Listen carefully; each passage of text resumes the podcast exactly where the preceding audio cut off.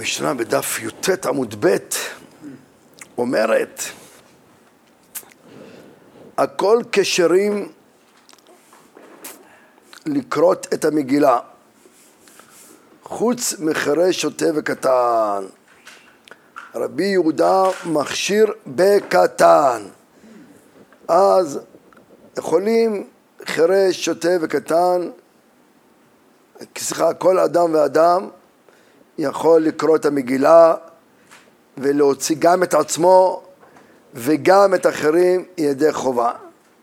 חוץ לכאורה מחירש, שוטה וקטן, שלא יכולים למנות אותם שיוציאו את אחרים ידי חובה, בין אם האחר הזה הוא יחיד, בין אם הוא רבים, אי אפשר שחירש, שהוא, פה מדובר בדרך כלל כל חירש, זה לא שומע ולא מדבר, אבל פה מדובר בחירש שלא שומע, אבל הוא מדבר כי הוא צריך לקרוא את המגילה.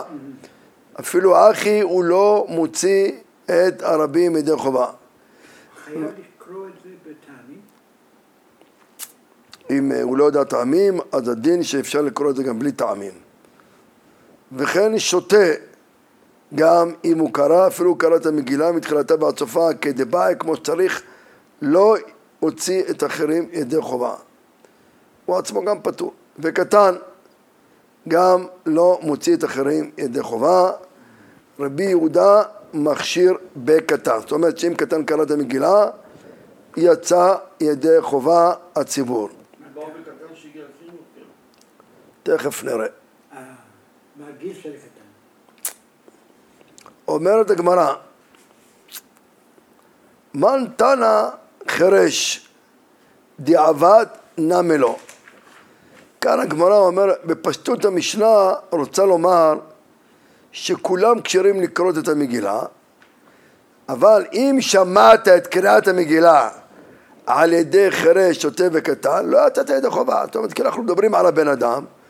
אם אתה שומע את המגילה מכל בן אדם בעולם, יצאת ידי חובה. אבל אם שמעת את המגילה מחירש, שוטה וקטן, לא יצאת ידי חובה. בפשטות הפירוש הוא שאפילו בדיעבד, אם חירש, שוטה וקטן קראו לך את המגילה, אז לא יצאת ידי חובה. אבל עכשיו הגמרא מתמקדת קודם כל בחירש. שבחירש כתוב שאם הוא קרא את המגילה, לא ידעת שחירש לא יכול להוציא אותו ידי חובה, או לא משנה, לא ידעת שהוא חירש. אפילו בדיעבד לא יצאת ידי חובה. אומרת הגמרא, אז מי זה התנא הזה? מי זה שיטת התנא הזה שסובר?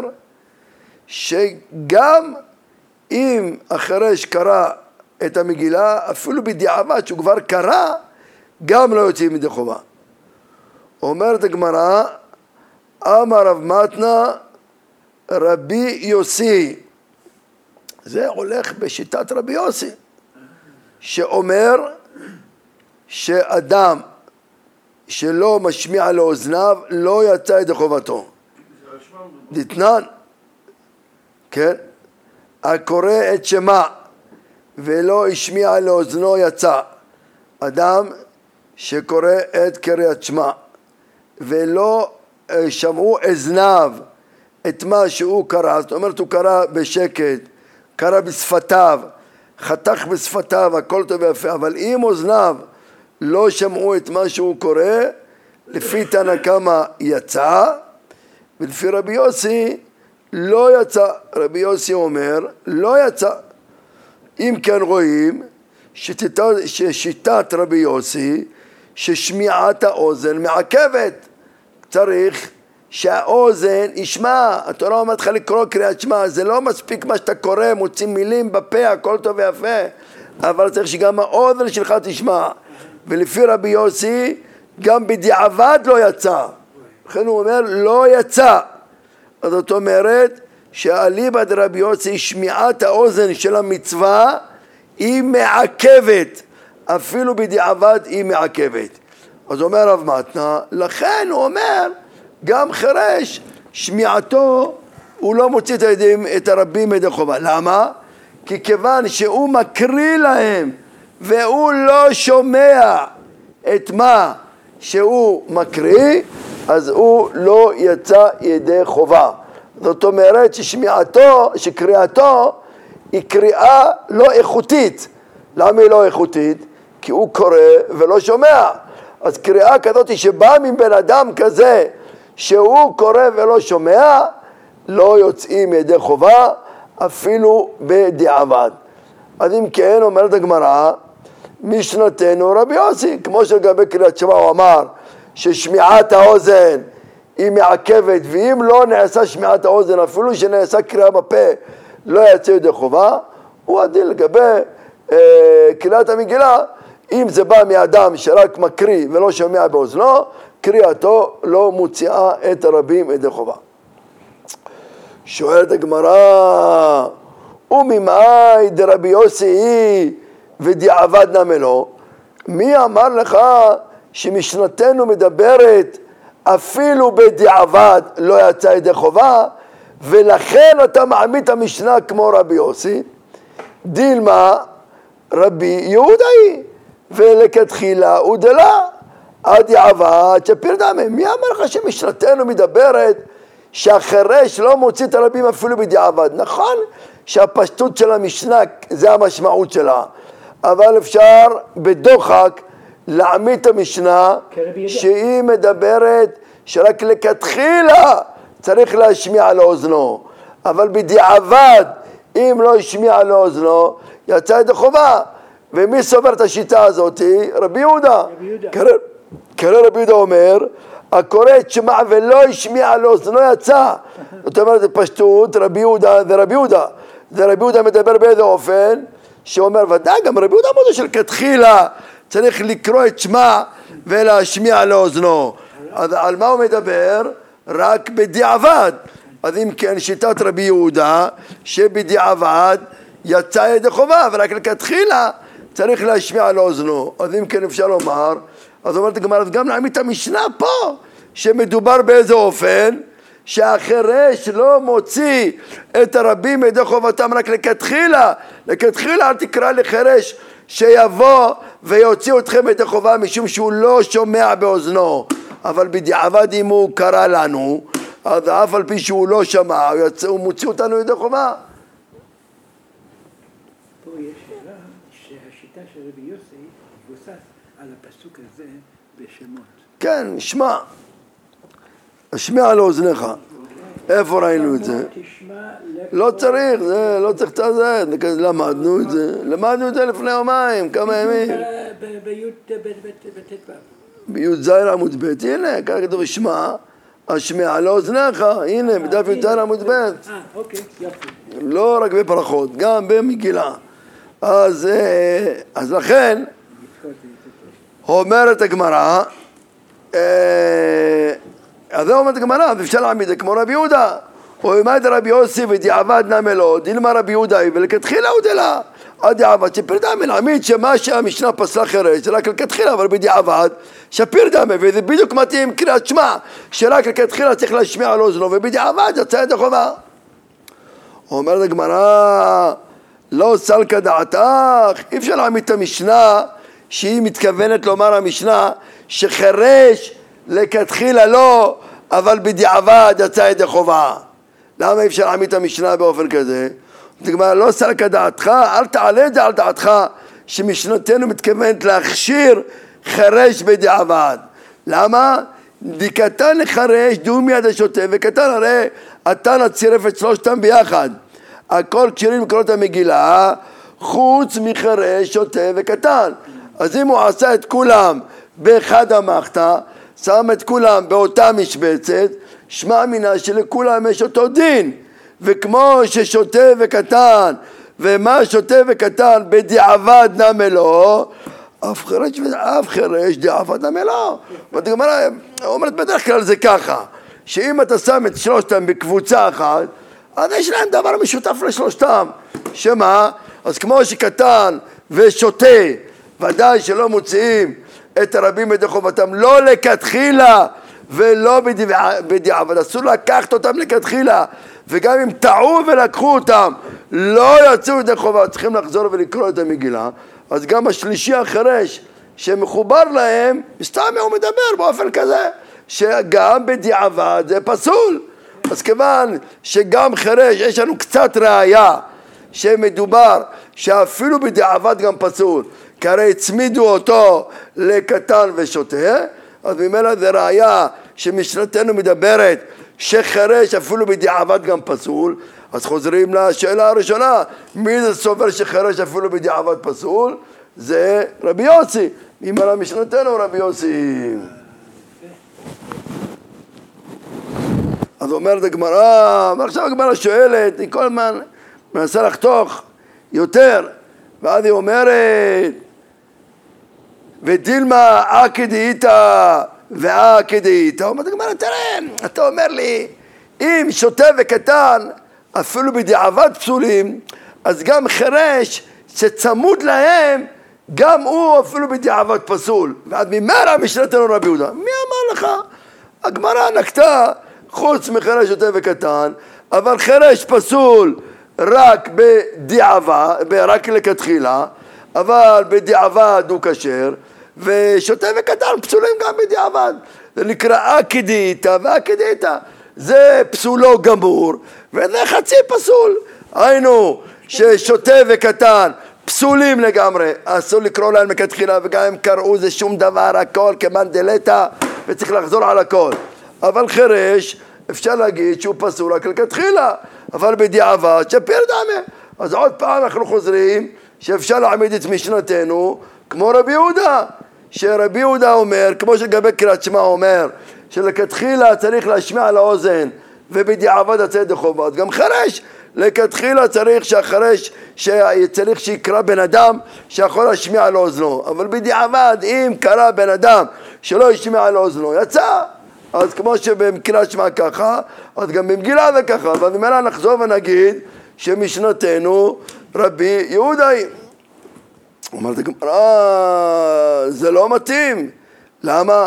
מי דקתני ספא רבי יהודה מכשיר בקטן מכלל דרש הרב לאו רבי יהודה. היא אומרת הגמרא איך אתה יכול להעמיד ככה? אומרת הגמרא מה אתה רוצה להגיד? שמשנתנו זה רבי יהודה? איך, איך תקרא את המשנה? בוא נקרא את המשנה.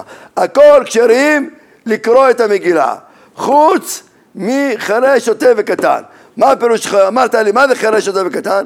חרש פסול לכתחילה ובדיעבד מותר, שוטה וקטן פסולים בין בדיעבד בין לכתחילה. אז מה ההמשך של המשנה? רבי יהודה מכשיר בקטן, מה הוא סותר את עצמו? מיני ובה?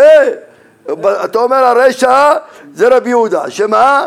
שהוא מכשיר, שחרש שוטה, ששוטה וקטן, הוא פוסל אותם גם בדיעבד וגם לכתחילה. ובספר הוא אומר שקטן כשר. מה קטן? באיזה אופן כשר? מינימום, מינימום, מינימום הוא כשר בדיעבד, אה. מינימום הוא כשר בדיעבד, כן. אבל אתה אמרת שהוא פסול גם בדיעבד, אז מה, אז לא, המשנה לא מסתדרת עם רבי יהודה.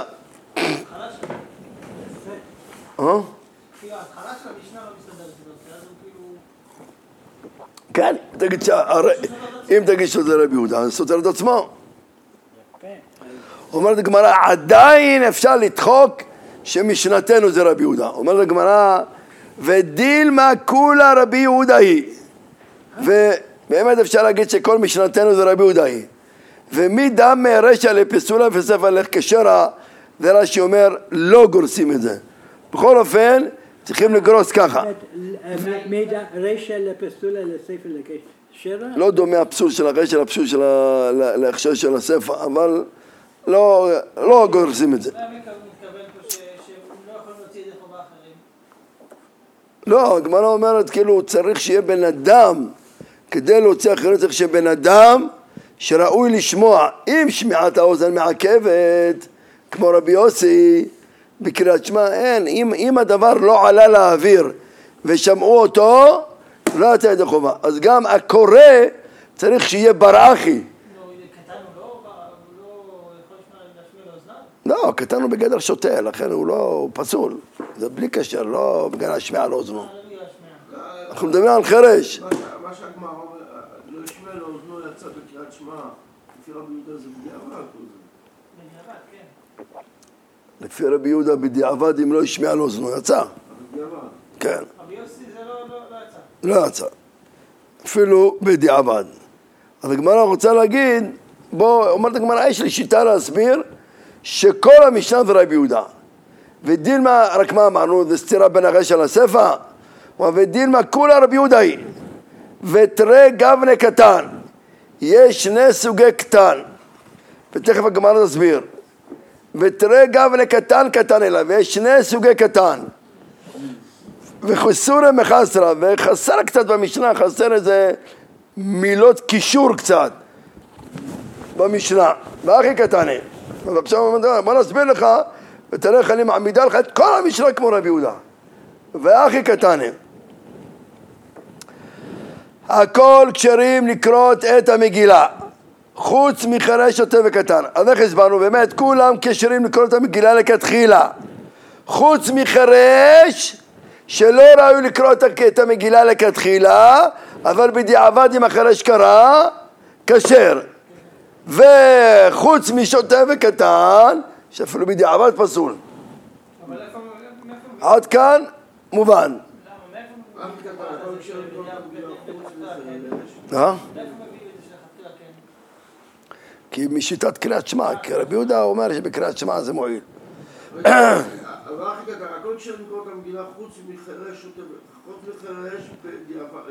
חוץ מחרש שבדיעבד הוא כשר, אבל לכתחילה הוא פסול, חוץ מחרש שלכתחילה הוא פסול, ושוטה וקטן פסולים גם בדיעבד, אבל מתי? מתי שוטה וקטן פסולים גם בדיעבד? במה דברים אמורים?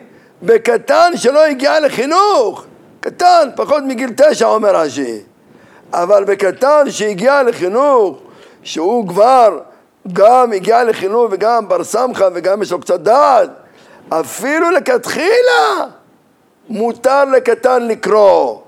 למה? שרבי יהודה מכשיר בקטן, לא, לא, לא גורסים רבי יהודה מכשיר בקטן, אז אתה כאילו מבין שיש כאן מחלוקת בין תנא קמא לרבי יהודה, זה אותו אחד, במקום ו, צריכים להגיד ש, שמה?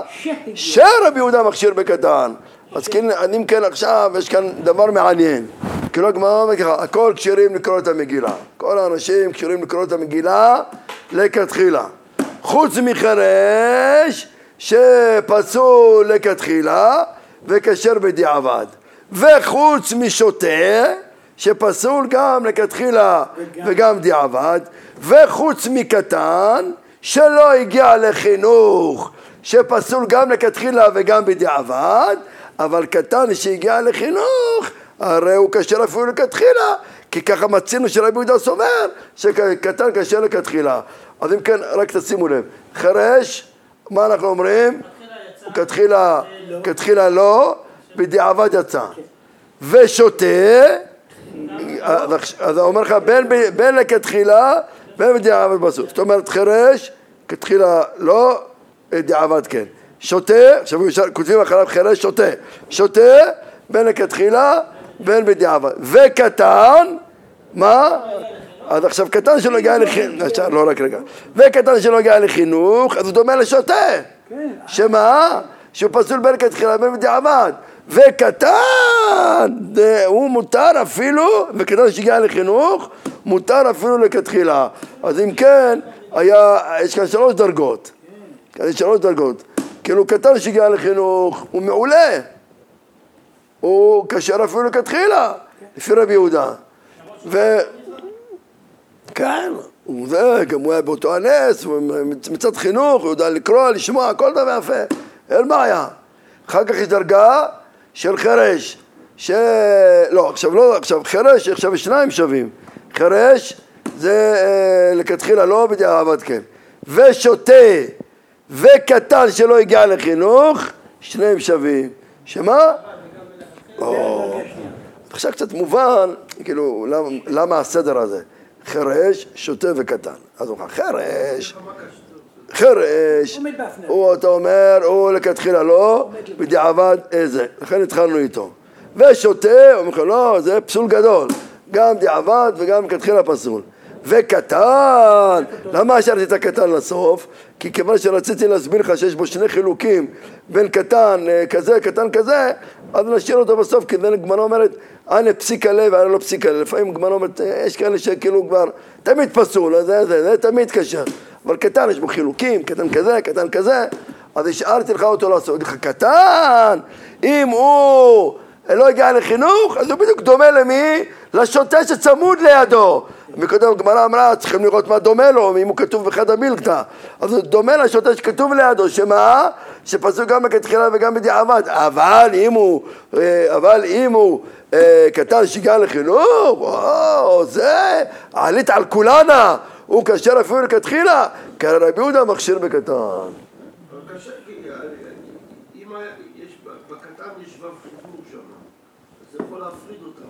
אז אמרתי שכאילו מתקנים את זה, זה הגמרא אומרת. זה נקרא חיסורי מחסר. זה... שותה, כתוב, חירש שותה. וקטן, זאת אומרת, זה מופעל. כן, אז כאילו... אז לא, עכשיו הגמרא אומרת ששלושתם שונים. חירש, שוטה וקטן, שלושתם, כל אחד יש לו דין בפני עצמו. כולם. לא, גם כאילו, חירש יש לו דין. כתחילה בדיעבד, כתחילה אסור, בדיעבד כאן. שותה, תמיד שותה, כל שותה, גם לכתחילה וגם בדיעבד פצוע. קטן, או, הוא קצת שווה לפה, קצת שווה לפה, ויש משהו שבכלל עולה על כולנה.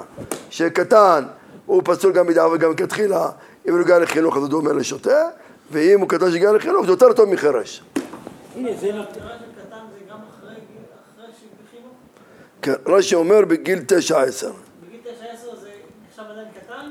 לא, לא, לא לגבי, יש דברים, יש דברים שהגיע לחינוך הוא יותר קטן, בדרך כלל זה בגיל שש שבע. בגיל שש שבע הוא נקרא קטן שהגיע לחינוך, לגבי שאר הדברים. שצריך, אה, אה, נגיד לקרוא אותו לולב, כמו אומרת, קטן שהגיע לחינוך, אביו קונה ללולב. איזה גיל? בגיל שש שבע. הוא מבין איך מנענעים קטן יודע איך מנענעים, צריך לקחת לו לולב. אביו קונה לו לולב. אבל לא, אמרתי, לגבי מגילה צריך גיל עשר. כן.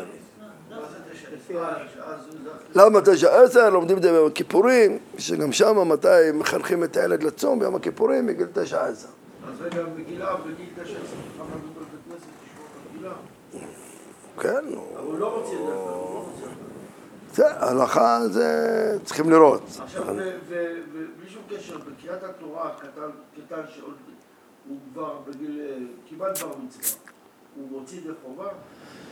קטן מצטרף למניין שבעה, אבל הוא רק לעלות, לא להוציא את הידי חובה. לקרוא בתורה, קרוא בתורה, יש איזה נידון גדול או פוסקים, ואם זה שאר קריאת התורה זה כן, חוץ מזכור ופרה. שלא להעלות את קטן, כי הוא לא מוציא את הרבים ידי חובתם. וצריך לא להעלות אותו לפרה וזכור, כי הם דאורייתא. לפעמים קורה טאקרים, במיוחד אצל האשכנזים, שמעלים את הקטן לפני הבר מצווה, מעלים אותו לתורה לפני הבר מצווה, אז יוצא לפעמים שלא לא, לא שמו לב שהבר מצווה שלו נופל פרשת זכור.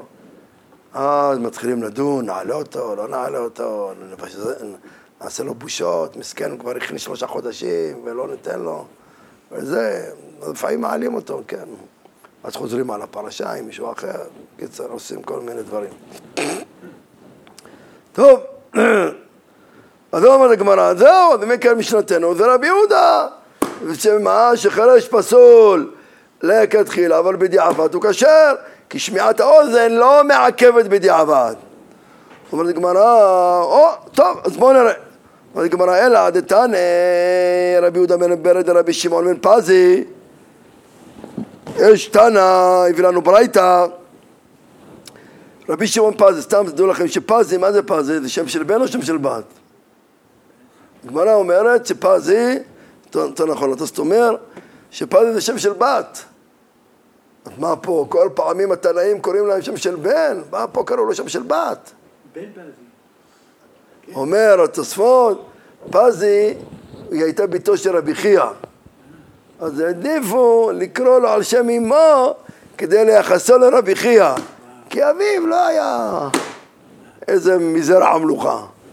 אז אה, קראו לו, חייא היה לו שני בנים, יהודה וחזקיה תאומים, פזי וטבי תאומות. רק שתי בנים תאומים ושתי בנות תאומות, היה לה- היה לו תאומות. האמת הוא שבזוהר הקדוש, ידוע הסיפור בזוהר הקדוש, הוא בא, אני חושב, בפרשת לך לך, הוא מביא שרבי שמעון בן פזי, יותר נכון אומר, זה התחיל מאביהם שקראו לו רבי יוסי בן פזי, שהוא פעם בא ללמוד בישיבתו של רבי אבא, ואז הוא אומר, כיוון שכתוב, אמר לו, אני בא ללמוד על מנת להיות עשיר. שנאמר, אה, אה, בשמאלה, בימינה חוכמה, בשמאלה עושר וכבוד. אמר לו, רבי אבא, אתה תלמד, תזכה להיות עשיר. אל תדאג, אתה תלמד, תהיה עשיר. אז הוא היה לומד, לומד, לומד, וזה, זה, וזה. מדי פעם היה בא לרבי אבא, אומר לו, הרב, איפה הרב הבטיח לי שאם אני אלמד, אני אהיה עשיר. אמר לו, עוד, עוד קצת, תלמד עוד קצת, אתה קצת יותר לתרגל, עוד קצת, אל תדאג, אני אומר לך, אתה תהיה עשיר, אני מתחייב לך, תהיה עשיר. וכן עברו כמה חודשים, ואז הגיע איזה זקן אחד עם כוסות שעשויות מיהלום שנקרא פז. חמישה כוסות הוא הביא. והיה ערכם מיליוני דולרים. כן, זה כוסות שעשויות מפז, שזה יהלום מאוד יקר. ואז הוא אמר לו, ל- לרבי, לרבי אבא, הוא אומר, הוא לא זכה לילדים, והוא מוכן לתת את כל החמש כוסות האלה לבן אדם שיתחייב ללמוד תורה ושילמד להצלחתו, לעילוי נשמתו, מה זה, והוא נותן לו את כל הכסף הזה. אמר לו רבי אבא לרבי אה, יוסי בן פזי, לרבי יוסי, הנה, החמש כוסות זה בשבילך, עכשיו אתה עשיר, אתה יכול ללמוד בלי מפריע. לקח את הכוסות האלה, אחרי כמה חודשים ראה אותו רבי אבא שהוא בוכה. הוא אומר לו, למה אתה בוכה? מה קרה עכשיו? גם אתה עוד פעם אתה בוכה, יש לך כסף, אתה מסודר, אתה יכול ללמוד, מה, מה אתה רוצה? הוא אומר לו, לא, אני בוכה שהסכמתי עם כל התורה שלי בשביל כסף. אני עכשיו רואה כמה התורה אהובה וחשוקה עליי, אני לא רוצה את הכסף, אני רוצה שתחזיר את הכוסות האלה לזקן הזה. אז הוא אמר לו, אבל ככה הבטחת, הוא אומר, לא, אני לא רוצה, לא רוצה, לא רוצה, תיקח אותם, קח את הכוסות האלה. אז החזיר אותם לזקן הזה, הזקן אמר, אבל מה יהיה, אני רציתי זה, זה זה. אומר לו, אל תדאג, אתה תקבל את העולם הבא שלך גם בלי הכוסות האלה.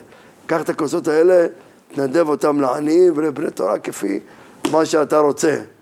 ועל זה קראו לו רבי יוסי בן פזי, ואז כל אה, צאצאיו נקראו בן פזי, על שם כוסות הפז. אז יוסי ש- בן פזי הוא שמעון הוא- בן... לא, כן, זה מהדור שלו. כי פה זה כבר, זה פה רבי יהודה, בנו של רבי שמעון, בן פזי. אז הוא זה.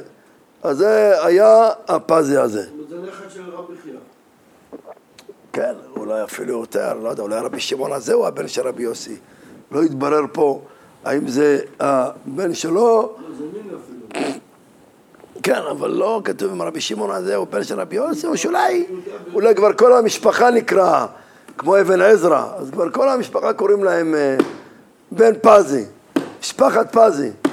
אז זה- יפה.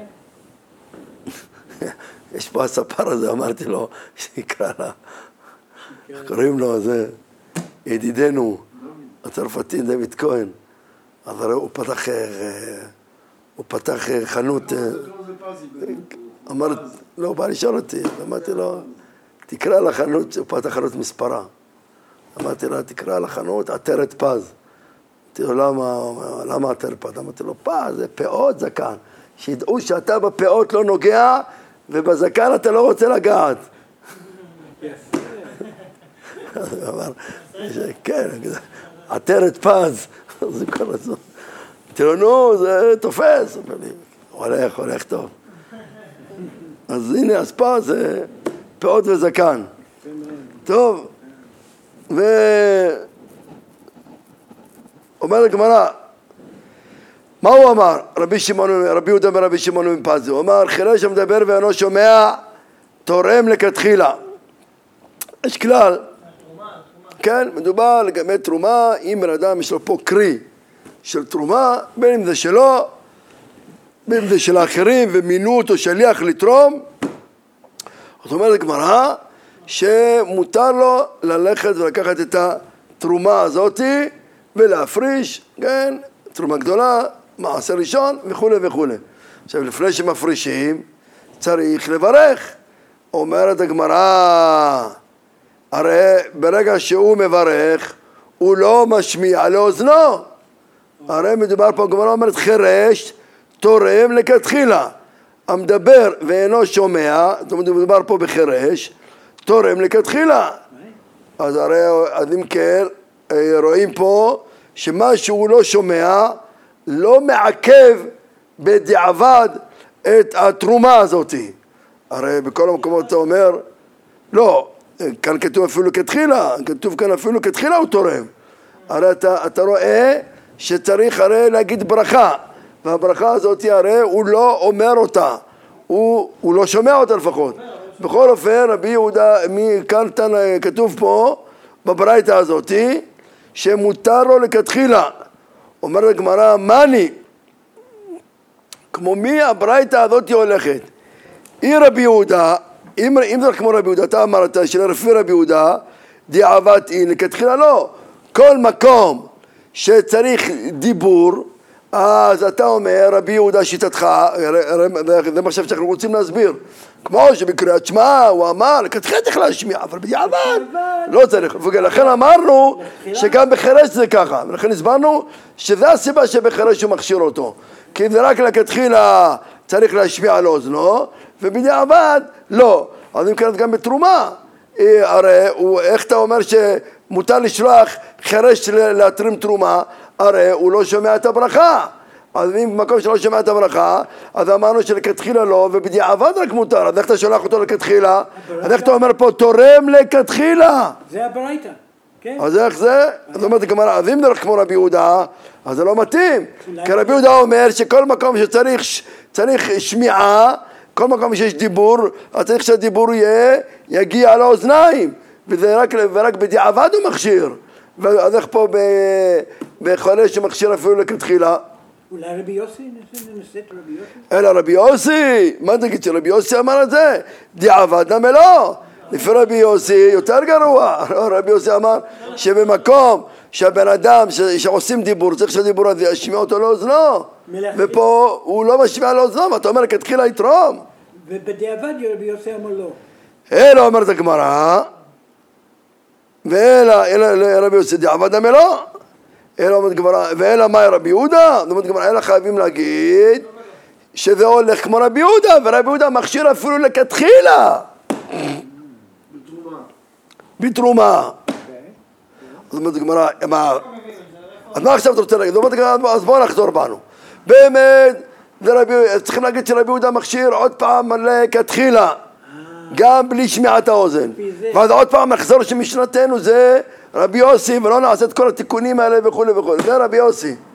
אז ממילא, כי רבי יהודה שיטתו היא שזה מועיל אפילו לכתחילה לתרום, בלי שמיעת האוזן. ולכן גם בקריאת שמע הוא יגיד שאפילו לכתחילה מועיל, ובחירש הוא גם יגיד שאפילו לכתחילה מועיל. אמרתי הגמרא, טוב, בוא נגיד, הסתדרנו עד עכשיו בסדר, אבל מה נעשה עם ברייתא אחרת? אלא עד דתניא לא יברך אדם ברכת המזון בליבו. כוונה פה בליבו, כוונה שהוא מוציא בשפתיו ולא משמיע לאוזנו. לכן קוראים לזה בליבו, כדי להגיד לך כמה זה היה בלחש, בלחש, שלא שמעו כלום כלום.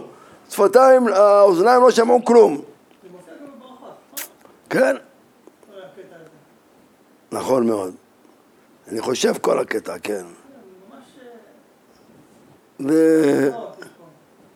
הגמרא שם מדברת להשמיע על אוזנו, להשמיע על אוזנו, וזה לומדת מהפסוקים.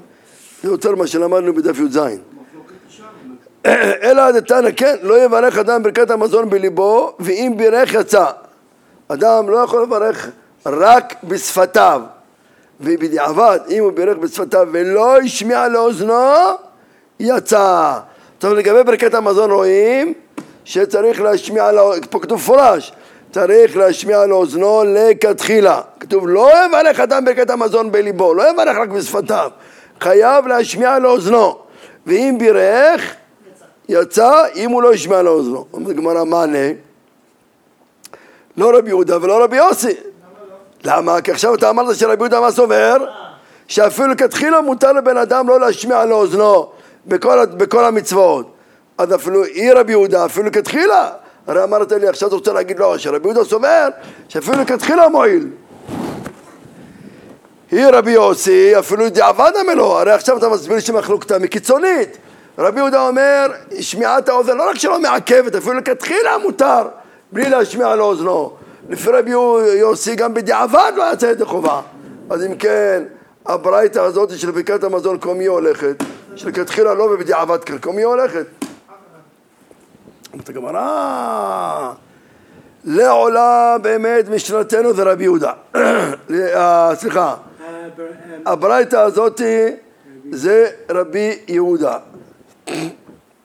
ומה שכתוב, ואפילו לכתחילה, באמת, משנתנו זה, אה, סליחה, אה, רבי יהודה סובר שאפילו לכתחילה בכל המצוות, ברכת המזון, קריאת שמע, טה טה טה טה טה, לא צריך להשמיע לאוזנו. מותר לכתחילה לא להשמיע לאוזנו. ואם כן משנתנו, עוד פעם אנחנו חוזרים, ודאי זה רבי יוסי. רבי יוסי מערך, הוא פסל חירש. אז, אה, אז זה משנתנו רבי יוסי. אה, אבל מה נעשה עם, שתי, עם הברייתות, שתי הברייתות האלה פה? ולא קשיא, עדי דה, עדי רבי דתניא. רבי יהודה אומר, משום רבי אלעזר בן עזריה, הקורא, מי זה רבו? רבי אלעזר בן עזריה. הקורא את שמע צריך שישמיע לאוזנו, שנאמר, שמע ישראל השם אלוקינו השם אחד, השמיע לאוזניך מה שאתה מוציא מפיך. מפיך. אז מי זה? הרב של רבי יהודה זה אז רב- אז רבו של רבי יהודה זה רבי אלעזר בן עזריה, אחד מרבותיו ודאי, אז הוא, אה, רבי אלעזר בן עזריה סובר שבקריאת שמע, אז זה צריך להשמיע לכתחילה, אבל בדיעבד, לא, רק בדיעבד יצא ידי חובה. אז באמת רבי יהודה סובר, רבי יהודה שיטתו בכל אורך הדרך, שלא צריך להשמיע לאוזנו, לאוזנו אפילו לכתחילה. ככה הוא סובר גם בתרומה. וגם הוא סובר ככה בקריאת שמע, וכן הוא סובר במגילה. כולם כשרים לכתחילה, אפילו שיודעים לכתחילה שלא ישמיעו לאוזניהם. מותר לך לכתחילה לקרוא בלחש בלי להשמיע לאוזניים. ומה שכתוב בברייתא למעלה, שהקורא שמע ולא השמיע לאוזנו יצא, שהמשמעות היא שרק בדיעבד יצא ולא לכתחילה, זה רבי אלעזר בן עזריה, שאמר שלכתחילה צריך להשמיע לאוזנו ל- את קריאת שמע, אבל בדיעבד, אם הוא לא השמיע לאוזנו לקריאת שמע, יצא ידי חובה. אבל מה שאתה, אבל רבי יהודה עצמו מה סובר? שלא, מותר לכתחילה לקרוא קריאת שמע בלי, בלי להשמיע על אוזניים. גם ברכת המזון.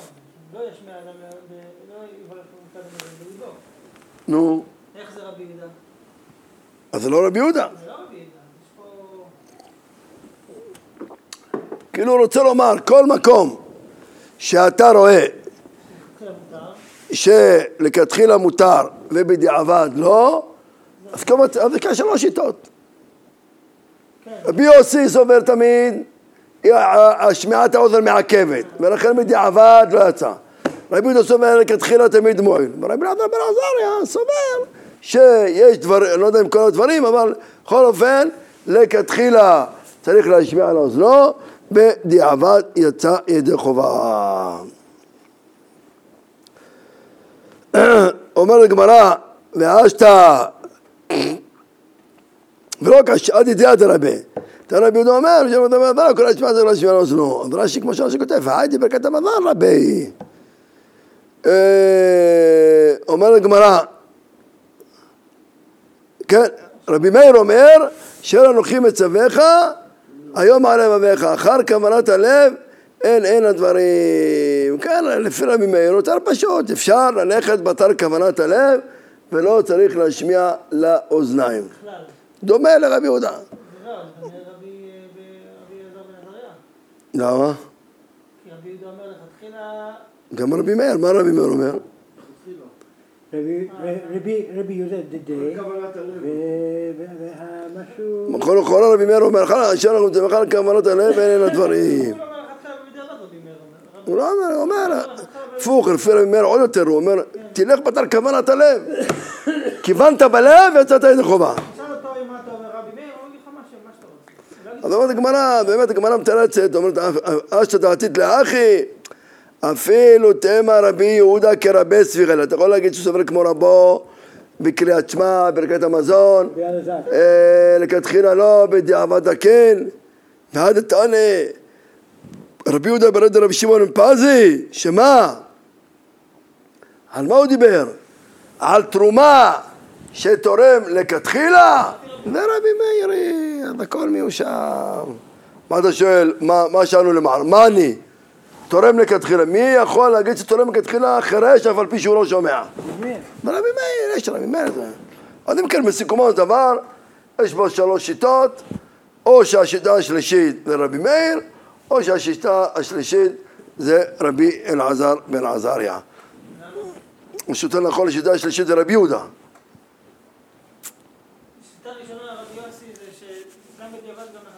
לא. נכון. רבי יהודה לכתחילה... אז עכשיו תלוי, זה תלוי. אם רבי יהודה סובר כמו רבו, אז הוא סובר לכתחילה לא, בדיעבד כן. אבל רבי יהודה בעצמו מה סובר? שגם לכתחילה... יצא, זה כמו מי? זה כמו רבי מאיר של עכשיו. אז רבי מאיר ורבי יהודה, זה לא זה כתחילה אומר, הוא אומר אחר אלה הדברים, אתה יכול ללכת בתר הלב. אם אם נשאל את רבי מאיר, אז הוא יגיד לך לא משנה. אבל רבי יהודה יגיד לך לכתחילה... לא, לפי השיטה הראשונה, רבי יהודה אומר לך, לא, לכתחילה מותר לקרוא גם בלי להשמיע לאוזנו. עכשיו אתה אומר, רבי, יהודה עצמו יש מחלוקת, האם הוא סובר כמו רבי מאיר, או סובר כמו רבי אלעזר בן עזריה רבו.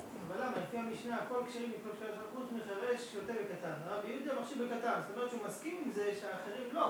שמי? ש- שחירש ושותה. כי הרי הוא אומר, רבי יהודה מכשיר בקט- בקטן. זאת אומרת שהוא שותה... אבל זה תלוי איך הסברנו את המשנה.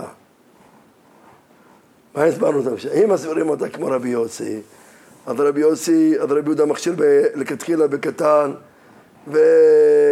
אה, סליחה, רבי יהודה, אה, יש כאן שתי דברים, או שתגיד שכולם משנתנו רבי יהודה היא, אה, מבין, או, ואז רבי יהודה מכשיר לכתחילה, וקטן הכוונה יותר רגע ולקטן, או שנסביר את המשנה כפשוטה, שכתוב במשנה שלכתחילה לא, ושבאמת שזה משנתנו, סליחה, או שנסביר את המשנה כפשוטה ומשנתנו רבי יוסי. שמה? שפסול, גם מכתחילה וגם בדיעבד, הכל פסול גם מכתחילה, ורבי יהודה חולק רק בקטן, בקטן. מה הדין בחרש? הוא גילה במקום אחר, שזה מועיל.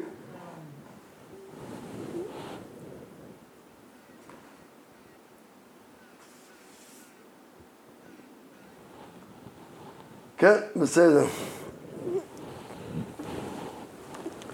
אומרת הגמרא, רבי יהודה מכשיר בקטן. אמר תניא, אמר רבי יהודה, קטן הייתי וקראתיה למעלה מרבי טרפון וזקנים בלוד. אומר להם, רבי יהודה, למה אתם פוסלים קטן? אומר, אני זוכר את עצמי, כשהייתי קטן, ואני עמדתי בבית מדרש וקראתי את המגילה בפני רבי טרפון ובפני הזקנים וקראתי להם את המגילה. הנה, אז אני קראתי את המגילה בפני הזקנים, בפני רבי טרפון, אז מה שם פה? שקטן כשר. אמרו לא, אין מביאים ראייה מן הקטן. אתה לא יכול להעיד לא יכול להעיד בגודלך מה שראית בקוטנך. לא רק שהוא, כאילו בדרך כלל הכוונה היא, בן אדם לא יכול להעיד בגודלו מה שהוא ראה בקטנו, נגיד הוא ראה, נגיד מישהו עשה כדבר, חילל שבת, קיצר לא משנה, כל מיני דברים. אז בזה אומרים לו, אתה לא נאמן. אבל פה זה יותר, הוא לא מספר מה שהוא ראה. מספר על עצמו.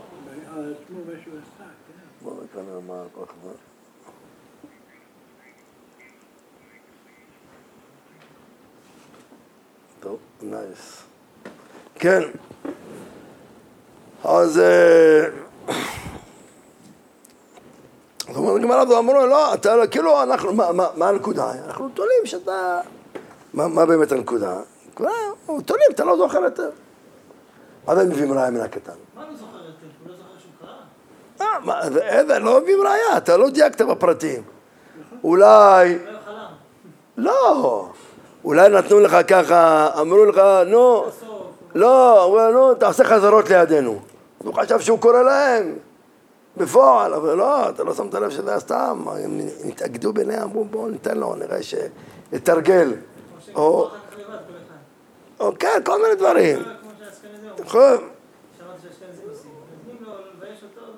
דברים. בסדר, אז זה אומרת הגמרא, אבל מעלם הקטן. תניא, אמר רבי, עכשיו רבי, זה לא רבי יהודה, רבי אומר, קטן הייתי וקראתיה למעלה מרבי יהודה. הוא לא- אומר רבי, כן, אני אומר לכם שאפשר, קטן ראוי לקרוא את המגילה. אני זוכר את עצמי קטן, שקראתי אותה לפני רבי יהודה. אמרו לא, אין מביאים ראיה מן המתיר.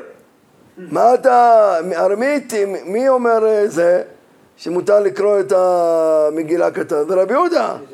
אז אתה מביא ראיה שקראת בפני רבי יהודה? תודה רבה, רבי יהודה מתיר, לכן הוא התיר לך לקרוא. אומרת הגמרא,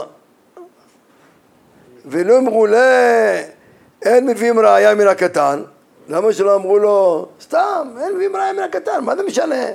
למה צריך לא מביאים ראיה מן המתיר? גם אם הוא לא היה מתיר או לא זה, אתה קטן, אתה לא ראוי. כאילו, כדי שלא יטעו, לא מביאים ראיה מן המתיר, תשמע אם להם זה מן האוסר? זאת אומרת, הגמרא, חדה ועוד כמה אמרו להם. הגמרא אמרו לו שתי דברים. חדה דקטן היית, ועוד, אפילו גדול היית, אפילו אם תגיד לנו שבשעה שקראת את המגילה בפני רבי יהודה היית למעלה מגיל 13, אין מביאים ראיה מן המתיר. לא, אבל רגע אחד, אם הוא היה כבר גדול, אז הוא מעיד שהוא ראה קטן אחר קורא בפני רבי יהודה. בסדר, אמר אני קראתי לה. הוא- הוא- הוא- הוא- הוא מעיד שאני הייתי כבר, אי אפילו היית גדול, ומעיד שקטן אחר היה קורא בפני רבי יהודה, לא יכולנו לקבל את ה... נכון, זה באמת יותר נכון, זה הנקודה. זה- הנקודה, כן? כי אם הוא גדול, אז מה הבעיה?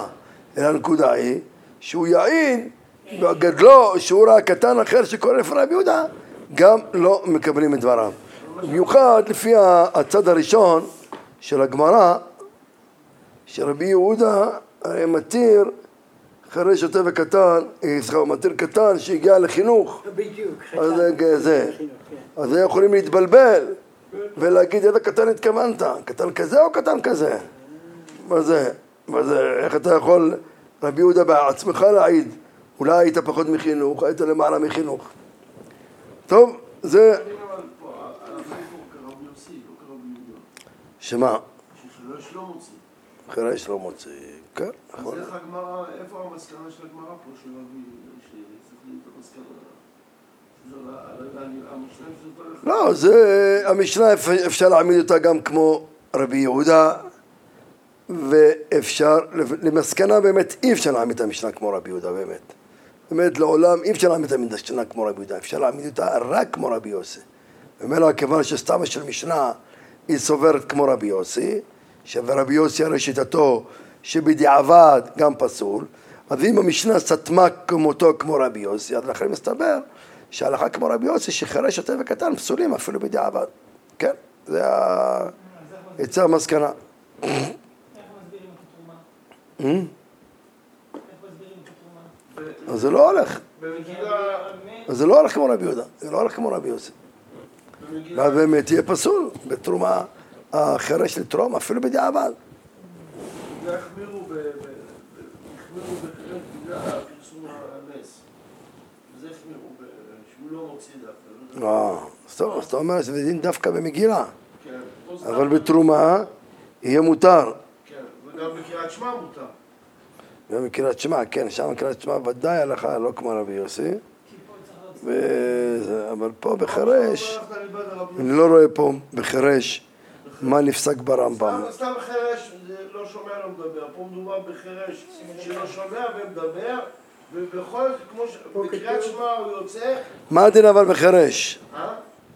מה הדין בחרש? בחירש מה, במגילה? לא, בתרומה. מה שהוא כן- מה שהוא כן מוציא. איפה? לא, מה כתוב ברמב"ם? פה אני רואה, יש- פה אני לא רואה. יש פה רמב"ם. מה כתוב? שבברכת המזון בליבו. יצא. אה, הוא יצא. כי זה כתוב פה, אני רואה ד', אבל לגבי תרומה אני לא רואה מה כתוב. מה כתוב בתרומה? לא. כתוב. טוב, צריכים לבדוק את זה. בסדר, אומרת הגמרא, אין קוראים את המגילה ולא מלין ולא טובלין ולא מזין וכן שומרת יום כנגד יום לא תטבול עד שתנץ החמה וכולן שעשו משעל עמוד השחר כשר כן, אין קוראים את המגילה ואסור לקרוא את המגילה ואסור לעשות ברית מילה ואסור לטבול טבול זה כל מיני אם זה אה, שביעי לזהב או תממת או כל הדברים האלה שטובלים ביום אז הם טובלים אך ורק אחרי הנץ החמה וכן שומרת יום כנגד יום לא תטבול עד שתנץ החמה כן, שומרת יום כנגד יום אנחנו יודעים שיש לנו, אנחנו תכף זה יותר בארוכה אבל באופן כללי כבר ראינו את זה זה מדובר בזבה בזבה שזה יש שבעה ימים נידה ואחר כך יש 11 ימים ימי זבה אז ב-11 ימים האלה שימי זבה אם אישה רואה דם שלושה ימים נקראת זבה גדולה וצריכה לספור שבעה נקיים ולטבול. אבל אם היא ראתה רק יום אחד אז היא שומרת יום אחר נקי ואז אם היום הזה היה נקי טובלת בו ביום אחרי הנץ החמה תכף אנחנו נראה כאן יותר בארוכה אבל העיקרון הוא שכל הדברים שדינם ביום כל הדברים שהתורה אמרה שצריך לעשות אותם ביום מה זה יום?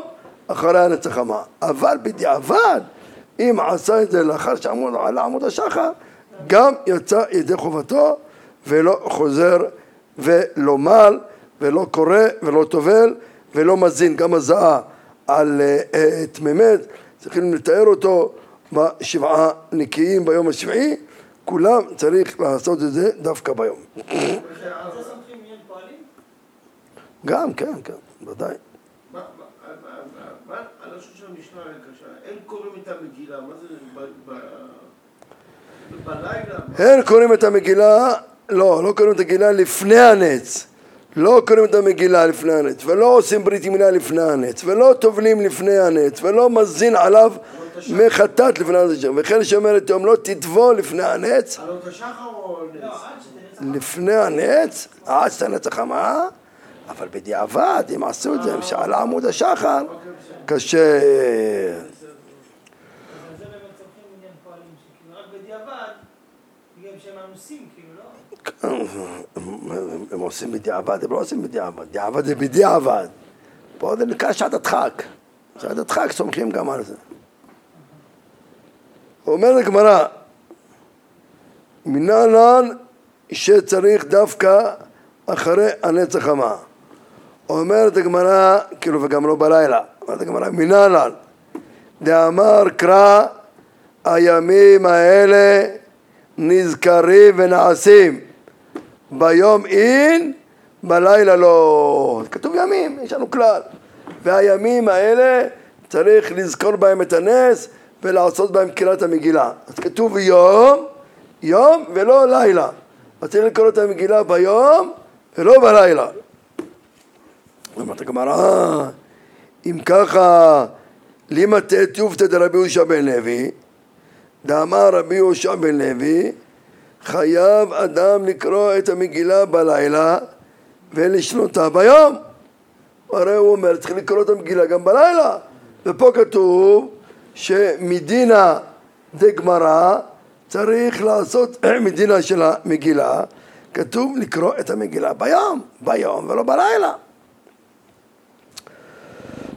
אומרת הגמרא, כי קטנה עד היום, מה שכתוב במשנה, אין קוראים את המגילה אלא עשרת החמה, היא לא התכוונה להגיד שאין קוראים את המגילה בלילה ורק ביום. לא זה המטרה של המשנה, המטרה של המשנה שהמגילה שקוראים אותה ביום יהיה אחרי הנצח חמה ולא אחרי עלות השחר. אבל היא לא דיברה באיזה זמן. המשנה רק רוצה להוכיח שלעשות זה אחרי הנצח חמה, אבל אין המטרה של המשנה להגיד לנו שלא קוראים אותה בלילה. יוצא לפי זה שבאמת הקריאה יכול להיות של היום היא יותר חשובה והקריאה של הלילה היא רק מדרבנן. יש אומרים הפוך. טוב. למה? הקריאה של היום זה תקנה של... תקנת... מה אתה אומר? של היום היא דברי קבלה, ושל הלילה זה תקנות חכמים. אז מה יותר חמור? של היום. מאיפה יודעים? זה כתוב פה, כאן כתוב.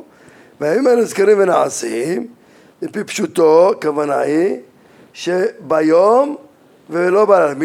מדינא דמגילה זה רק ביום, אז מי תקנו בלילה? זה לא אנשי כסת גדולה שכתבו את המגילה. ואחר כך חלחמים, אולי בזמן חנוכה, אולי בזמן אחר. לא יודעים בדיוק. ככה הפשטות. יש כאלה אומרים שזה לא נכון, שתיים, תקראו אחד ביום, אחד בלילה. אבל... אה, אה. אבל אה, בכל אופן... אז לא קמו, זה סיבה ליום, לא סיבה ללילה. אתה אומר ביום. כן. אומר הגמרא ולא מלין. איפה יודעים שלא מלין בלילה? דכתיב וביום השמיני ימול. ולא טובלין ולא מזין, דכתיב וייזה הטהור על הטמא ביום השביעי ויתקש טבילה להזיה. כתוב וייזה הטהור על הטמא ביום. אז תכתוב וייזה הטמא על הטהור בשביעי. אם גם בלילה זה מועיל, תקציבי וייזה הטהור על הטמא בשביעי. למה כתוב ביום השביעי? ללמד אותך שהטבילה היא אך ורק ביום ולא טובלים גם בלילה. ומאיפה יודעים אה, הזיה? זה כתוב מפורש. ואיפה כתוב על טבילה? הוא אומר לך, טבילה הוא קש להזיה. כאלה כתוב בידת האור הטמא אה, ביום השביעי והאכל ירחץ בשרו במים. אז כמובן שהסמיכו את הטבילה להזיה. מה הזיה חייבים לעשות רק ביום? כי כתוב ביום גם תפילה צריכה להיות ביום. כוונה תפילה פה של, יש כאן, תכף נראה שיש כמה סוגי תפילות, יש תפילת נידה שהפוך שזה רק בלילה, או תפילת זבה, אבל יש תפילה של שומרת יום, או כל מיני דברים שטובלים ביום, או בעל קרי, או בזה, אתם למדתם לא לפני הרבה זמן. אז כל הדברים האלה, זה יש הבדל בין היום לבין הלילה. טוב, כאן זה נכנסים לאולי קצת יותר ארוך להסביר מה זה זב וזבה, וזה קצת ייקח יותר זמן, אז נשאיר את זה ליום אחר. ברוכים וברוכים.